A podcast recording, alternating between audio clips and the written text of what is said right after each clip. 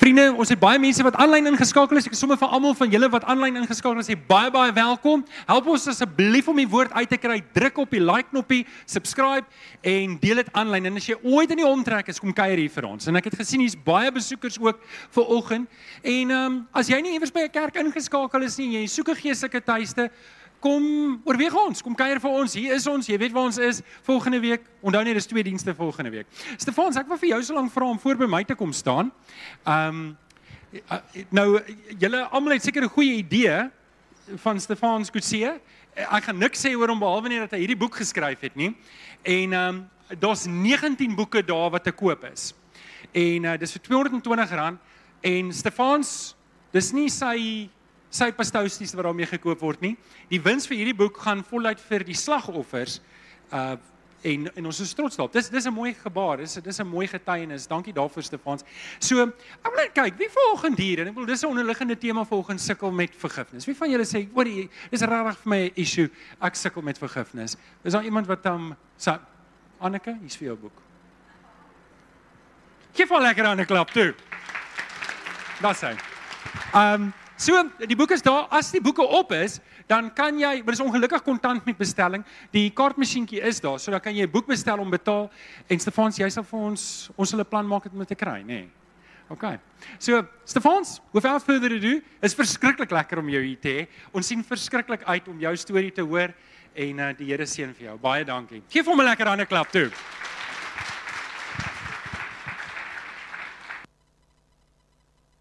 Dankie. Ons lees in Jeremia 29 vers 11. Ek weet wat ek vir jou beplan. Ek wil vir jou 'n toekoms gee en 'n verwagting. En soms al sit ons in 'n kerk en ons kyk na die Bybelvers, dan voel dit weens ons omstandighede dat ons die Bybelvers wil uitskeer. As ons eerlik is met onsself. Soms druk jy finansies so dat jy bid die Here help en hy help nie. Soms sit jy in 'n verhouding wat nie lekker is nie. Soms sit jy met iemand wat 'n alkolikus is, 'n kind wat 'n drank addict is en jy sit aand op aand op jou knieë en die vers maak nie sin nie. Onbewuslik het ek eendag vir 'n vrou uh die vers aangestuur en toe WhatsApp sy terug en dan en toe weet ek nie wat om te sê nie en toe sê ek vir haar ek wou nie eers die Bybelvers vir jou gestuur het nie maar dit was op my hart gedruk en ek weet nie wat is dan nie. Toe sê sy vir my ek is reg om my vandag self dood te skiet. Want dit is my verjaarsdag en niemand weet ek verjaar nie.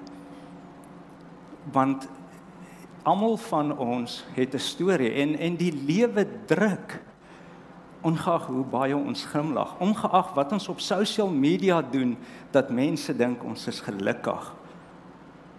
En elkeen van julle wat hier sit, het 'n storie. Ek was 5 jaar oud gewees toe my ma vir my geld gegee om lekkers te koop. En toe ek terugkom, toe's my ma weg. My ma het my nooit gesoen nie. My ma het nooit vir my gesê totsiens nie. My ma het my nooit gedruk nie. As 'n 5-jarige seun wonder jy, wat het jy verkeerd gedoen dat mamma my nie wil hê nie?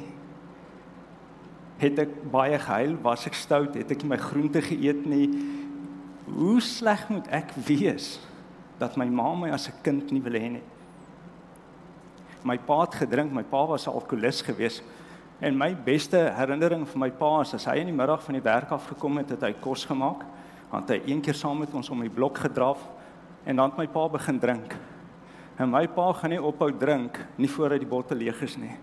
My pa gaan so baie drink dat hy vanaand op die bed gaan uitpaas en ek gaan koutjie penne vat en sy tatoeëermerke inkleer. En steeds was my pa my Here gewees. Ongelukkig weet ons dat as iemand nie die vermoë het om na 'n kind te kyk, jy moet die kind na 'n kinderhuis toe gaan en ek onthou dit ons kinderhuis toe ry en ek terugkyk, toe sien ek my pa met die bottel drank in sy hande En ek wonder hoekom het jy drank liewer as vir my? Wat's fout met my? Hoe kan jy nie net vir my kies nie? En toe ek in die kinderhuis inkom, toe moes ek baklei want ander kinders wat ouers het wil weet hoe voel dit om 'n kind te slaan wat in 'n kinderhuis is. En ek het leer baklei. Die reëls van my lewe is met my vuiste graveer. En ek het leer beklei vir alles wat ek in die lewe wil hê. Niks kom verniet nie. As jy val, staan jy op. Jy slaan eers en jy slaan om seer te maak. Maar geweld word 'n lewewyse en geweld is nooit genoeg nie. In die kinderhuis kyk jy na al die kinders wat ouers het en jy wens jy het 'n ma gehad wat vir jou kan sê gaan tel op jou klere. Jy wens jy het 'n pa gehad al is dit seer. Dan kan jy se aanraking voel al is dit met 'n plat hand. Want dan het jy iemand. En 'n kind wil eers behoort. Inteendeel 'n groot selfvolwassenes wil eers behoort en ons sal enige iets doen om te behoort. En dit is nie 'n verskoning vir die res van die storie nie. Dis nie 'n verskoning nie. Tot op daai stadium is my lewe beïnvloed, maar ek het daarna verkeerde keuses geneem. Ek het nie 'n fout gemaak nie. 'n Fout is as ek op iemand se toon trap en ek sê sorry, ek het nie gesien nie. Ek het soveel geweld op my gehad in my tweede jaar in staan 4 is ons in my ma se sorg geplaas. Ek het naweek in die strate gegaan, Vrydag en Saterdag en ek het swart mense aangeraak bloot net omdat hulle swart is. Hulle het niks verkeerd gedoen nie. Hulle het niemand verkrag nie. Hulle het nie 'n fiets gesteel nie. Ek het hulle net aangeraand. Want ek het seer in my gehad en ek het nodig gehad om my seer oor te dra. En ek het 'n sagte teiken gekies wat in die era waarin ek groot geword het toelaatbaar was. Die polisie het geweet wat ons doen maar ons is nooit gearresteer nie. Ons is nooit voor 'n hof gedaag vir onskuldige mense wat ons aanrand net omdat hulle swart is nie. Maar dit was nie genoeg nie. Ek het betrokke geraak by 'n alte regse geloof wat glo dat wit is is God se uitverkore volk. Ons het Bybelverse gelees soos Jeremia 29, ag ek lieg, Jesaja 48 vers 10, vervloek is die een wat sy swaard terughou van bloed ons is opgelei om mense dood te maak vir wat ons in is. Ek wou so graag aan 'n familie behoort dat ek dit gedoen het. Ek was betrokke by die Woester bomontploffings, die Dorings Beaufort Wes. En na die bomontploffings toe hoor ek kinders is dood. En ek weet as jy 'n bom plant, moet jy weet kinders kan doodgaan. Maar jy dink nie daaraan nie. Niemand berei jou daarvoor nie ek het skuldig gepleit, ek is in tronk toe en ek was ek was gelukkig met my lewe. Ek was 'n trotse rassis. Ons het groot geword in 'n era waar jy donderdag kadet klere aantrek. Ons het groot geword in 'n era waar boetie wil border toe gaan. Ons het groot geword in 'n era in ons skool dat hulle soms vir ons laat onrein die skool dat ons weet wat gebeur as die ANC bom in die skool plant. Daar was sulke pop-ups gewees met landmyne en handgranate en ons moes weet hoe lyk dit. Ons skool se hek was 700 meter vanaf die weermagbasis. Ons skool het geweet as jy hier uitstap in matriek, stap jy by daai hek in. Ons sing in die stem, ek sal antwoord op jou roepstem. Ek sal offer wat jy vra. En dis wat ons wou doen. Ons het altyd gesê ons en hulle en ons verwys na die blankes en hulle na die swart gevaar.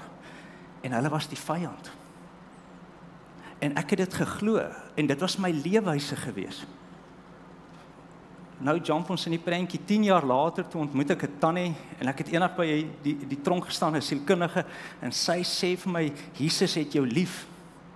En ek sê vir haar tannie ek glo nie in daai Christen gemors nie.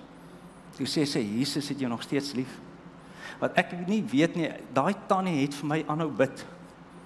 Maande later het ek besoek gehad en sy het vir my 'n klein boekie gegee, ou Daily Bread en net om my teenkanting in die Christen geloof te wys het ek die boekie in 'n asblik gegooi. Vir haar gesê tannie, ek het vir jou gesê, ek doen nie die Jesus ding nie. Ek glo in geweld. Ek glo in 'n God van wraak. Dis waarna ek glo.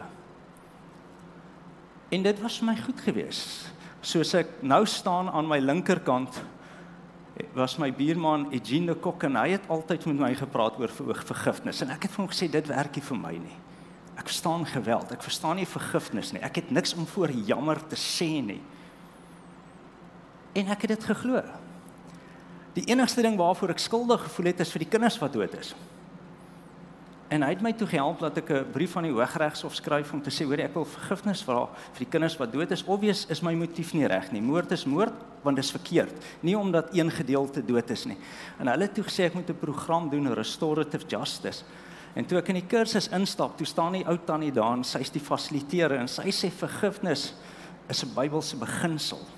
So voordat ons in die klas kom, gaan ons bid en as ons klaar is, gaan ons weer bid. Ek sê toe vir Tannie, jy's besig om my op te soek. Ek het vir jou gesê ek doen nie die Jesus ding nie. As jy bid, gaan ek buite staan, as jy klaar gebid het, gaan ek inkom. Ek is hier om die kursus te doen. Maar in die kursus het twee dinge gebeur. Die eerste een is die ons moes 'n appel teken met ag wurms.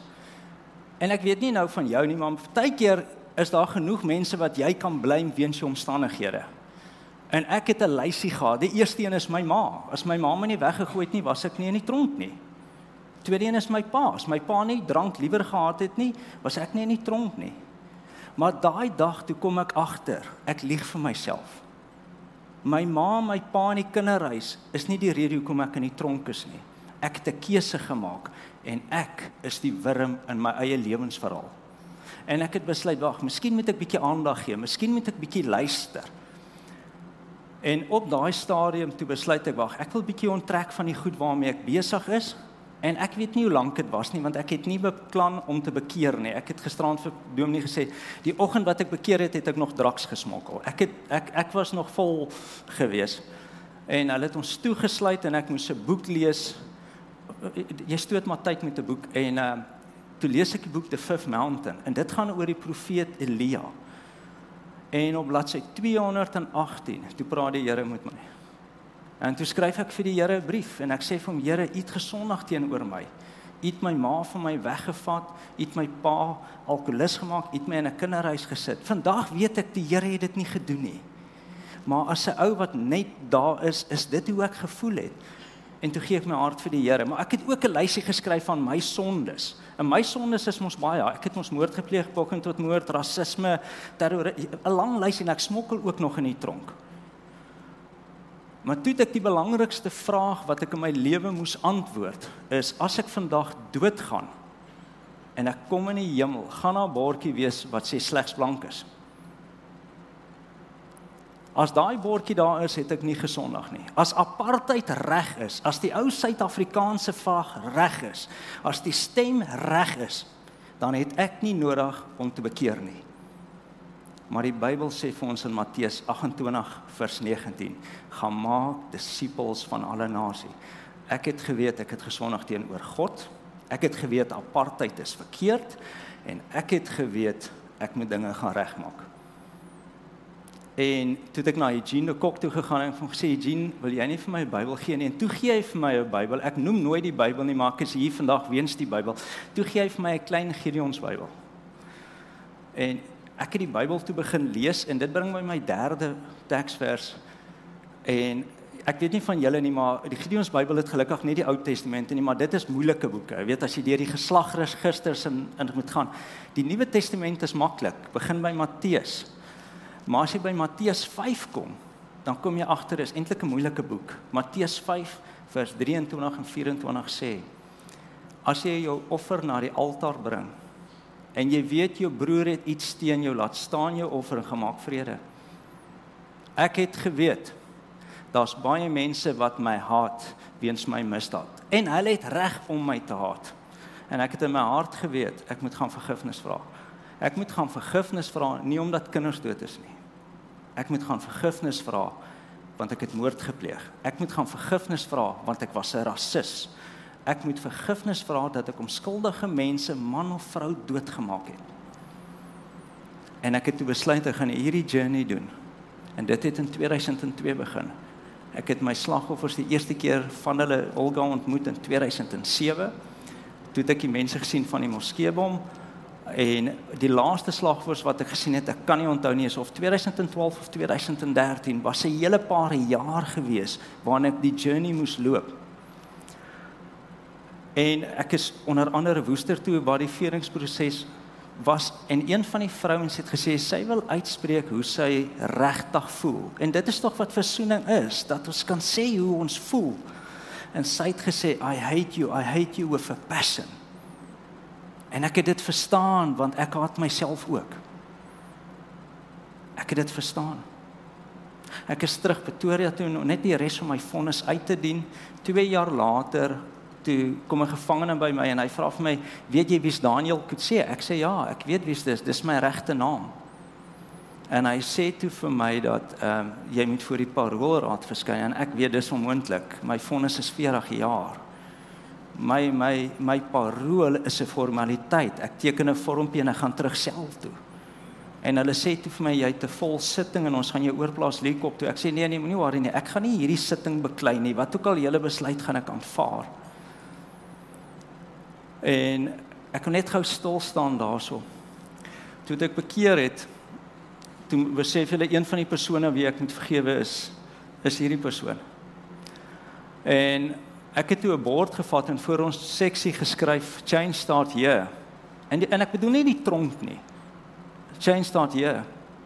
Elkeen van ons wat hier sit kan enige iemand of enige iets blameer vir omstandighede of goed wat verkeerd is. Maar die uitwerking daarop is ons eie keuse. As jy die wêreld wil verander, gaan huis toe en wees lief vir jou kind. Ek sien hier's baie kinders hier so as die ouers is vir al as dit 'n man is, soen asseblief jou kind. Kan jy beloof jou seun wil dit ook hê? En ons het ons seksie begin verander. Ek het begin leer, ek het my lewe begin regryk. Want ek het geweet ek's die wurm in my lewensverhaal. En toe ek by die paroolraad kom, toe vra die parooloffisier, "Wat kan ek sê om vrygelaat te word?" Toe het ek al 8 jaar skoon geloop. Nou, as jy vir iemand sê jy loop 8 jaar skoon, klink dit niks nie. Maar as jy dit vir 'n bandiet sê wat gesmokkel het, is dit regtig baie baie lank. 'n Jaar is baie baie lank, want ek leef van die geld. Die geld gee vir my ook 'n vorm van mag. Veral vir mense wat die draks nodig het die melk die, die geld gee vir my identiteit want ek behoort eers. En nou sê ek niks nie. En toe sê ek vir hulle niks wat ek sê kan teen my leer getuig nie want ek het mense doodgemaak. En toe het ek vir hulle gesê hulle kan besluit wat hulle besluit ek gaan buite wag en toe ek terugkom toe besluit hulle my om 'n tweede kans in die lewe te gee. Ek wil hê julle moet dink dis 'n ma wat op 'n Sondag gebord tafeldek en haar korte bord want ek het die kind doodgemaak. Dis 'n pa wat nooit nooit sy kind se sweet 16 gaan hê nie. Dis 'n pa wat nooit sy kind kan na 'n sokker game toe vat nie. Nooit 'n 21 hê nie. Hoe verdien ek vergifnis? Hoe kan 'n ou soos ek in die samelewing vrygelaat word en 'n lewe begin waar ander ouers na 'n graf toe moet gaan? En tog het God my 'n tweede kans gegee. Ek weet nie hoekom nie. Maar ek het die Here beloof.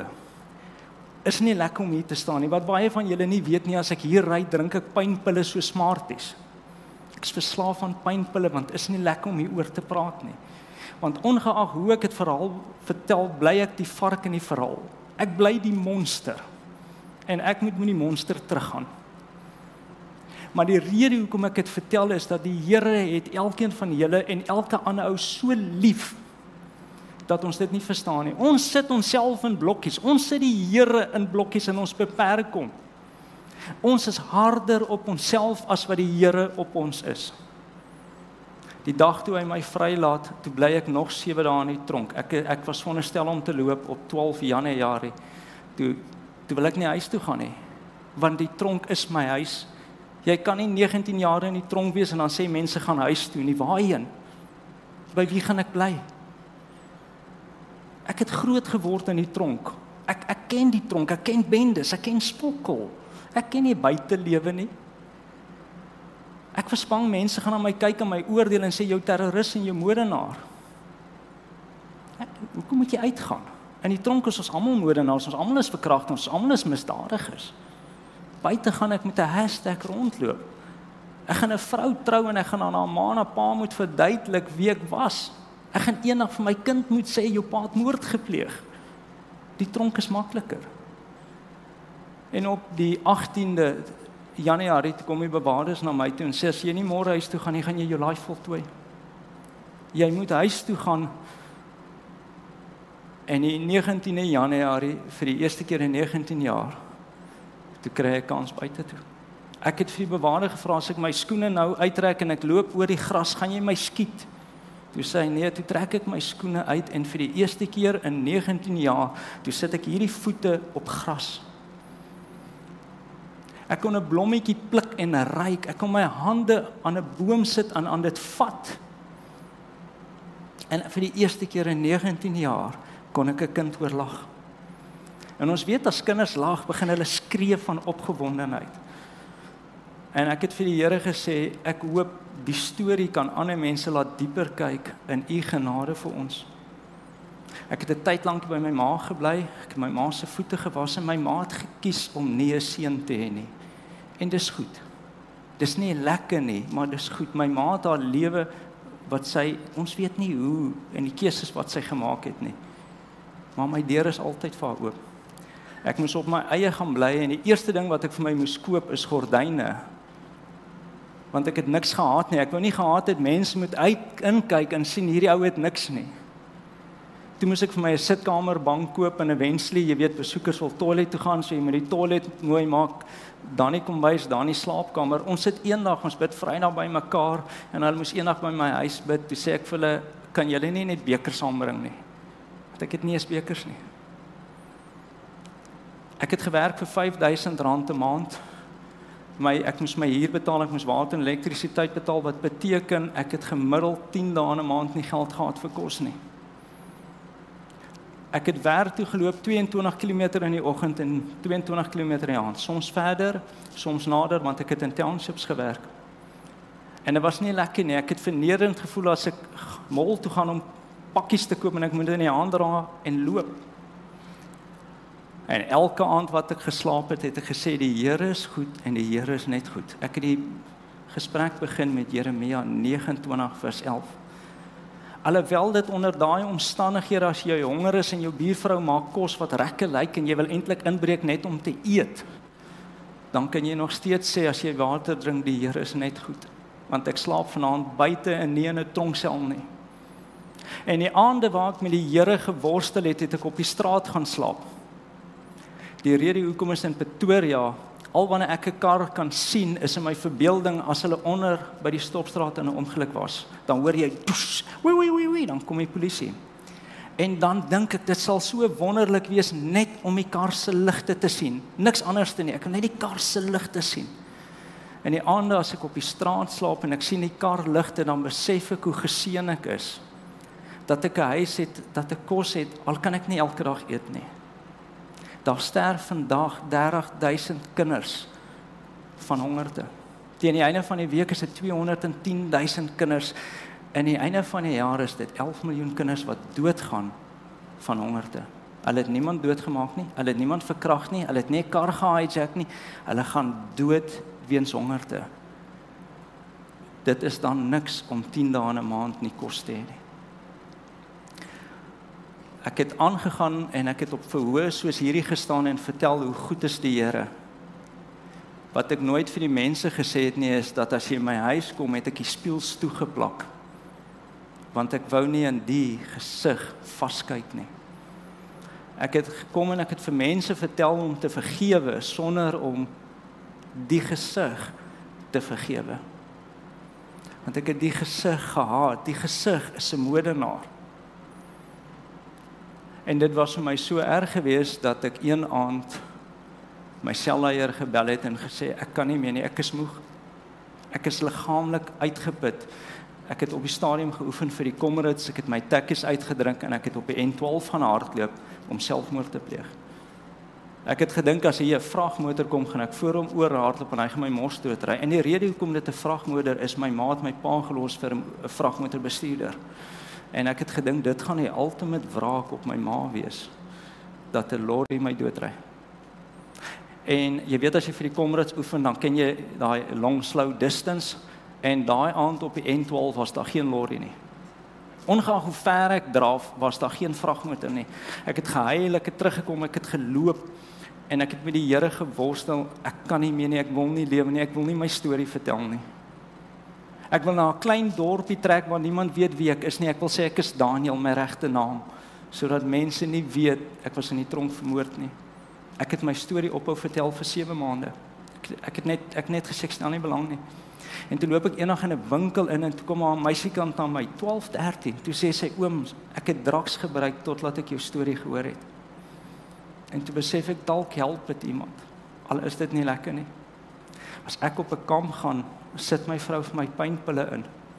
Want soos ek hier staan net ek 'n hoofpyn. As ek hier ry, drink ek pynpille om van die stres ontslae te raak dis nie 'n lewe nie, maar ek kan hierdie dag uiteindig en ek kan sê die Here is net goed en net goed.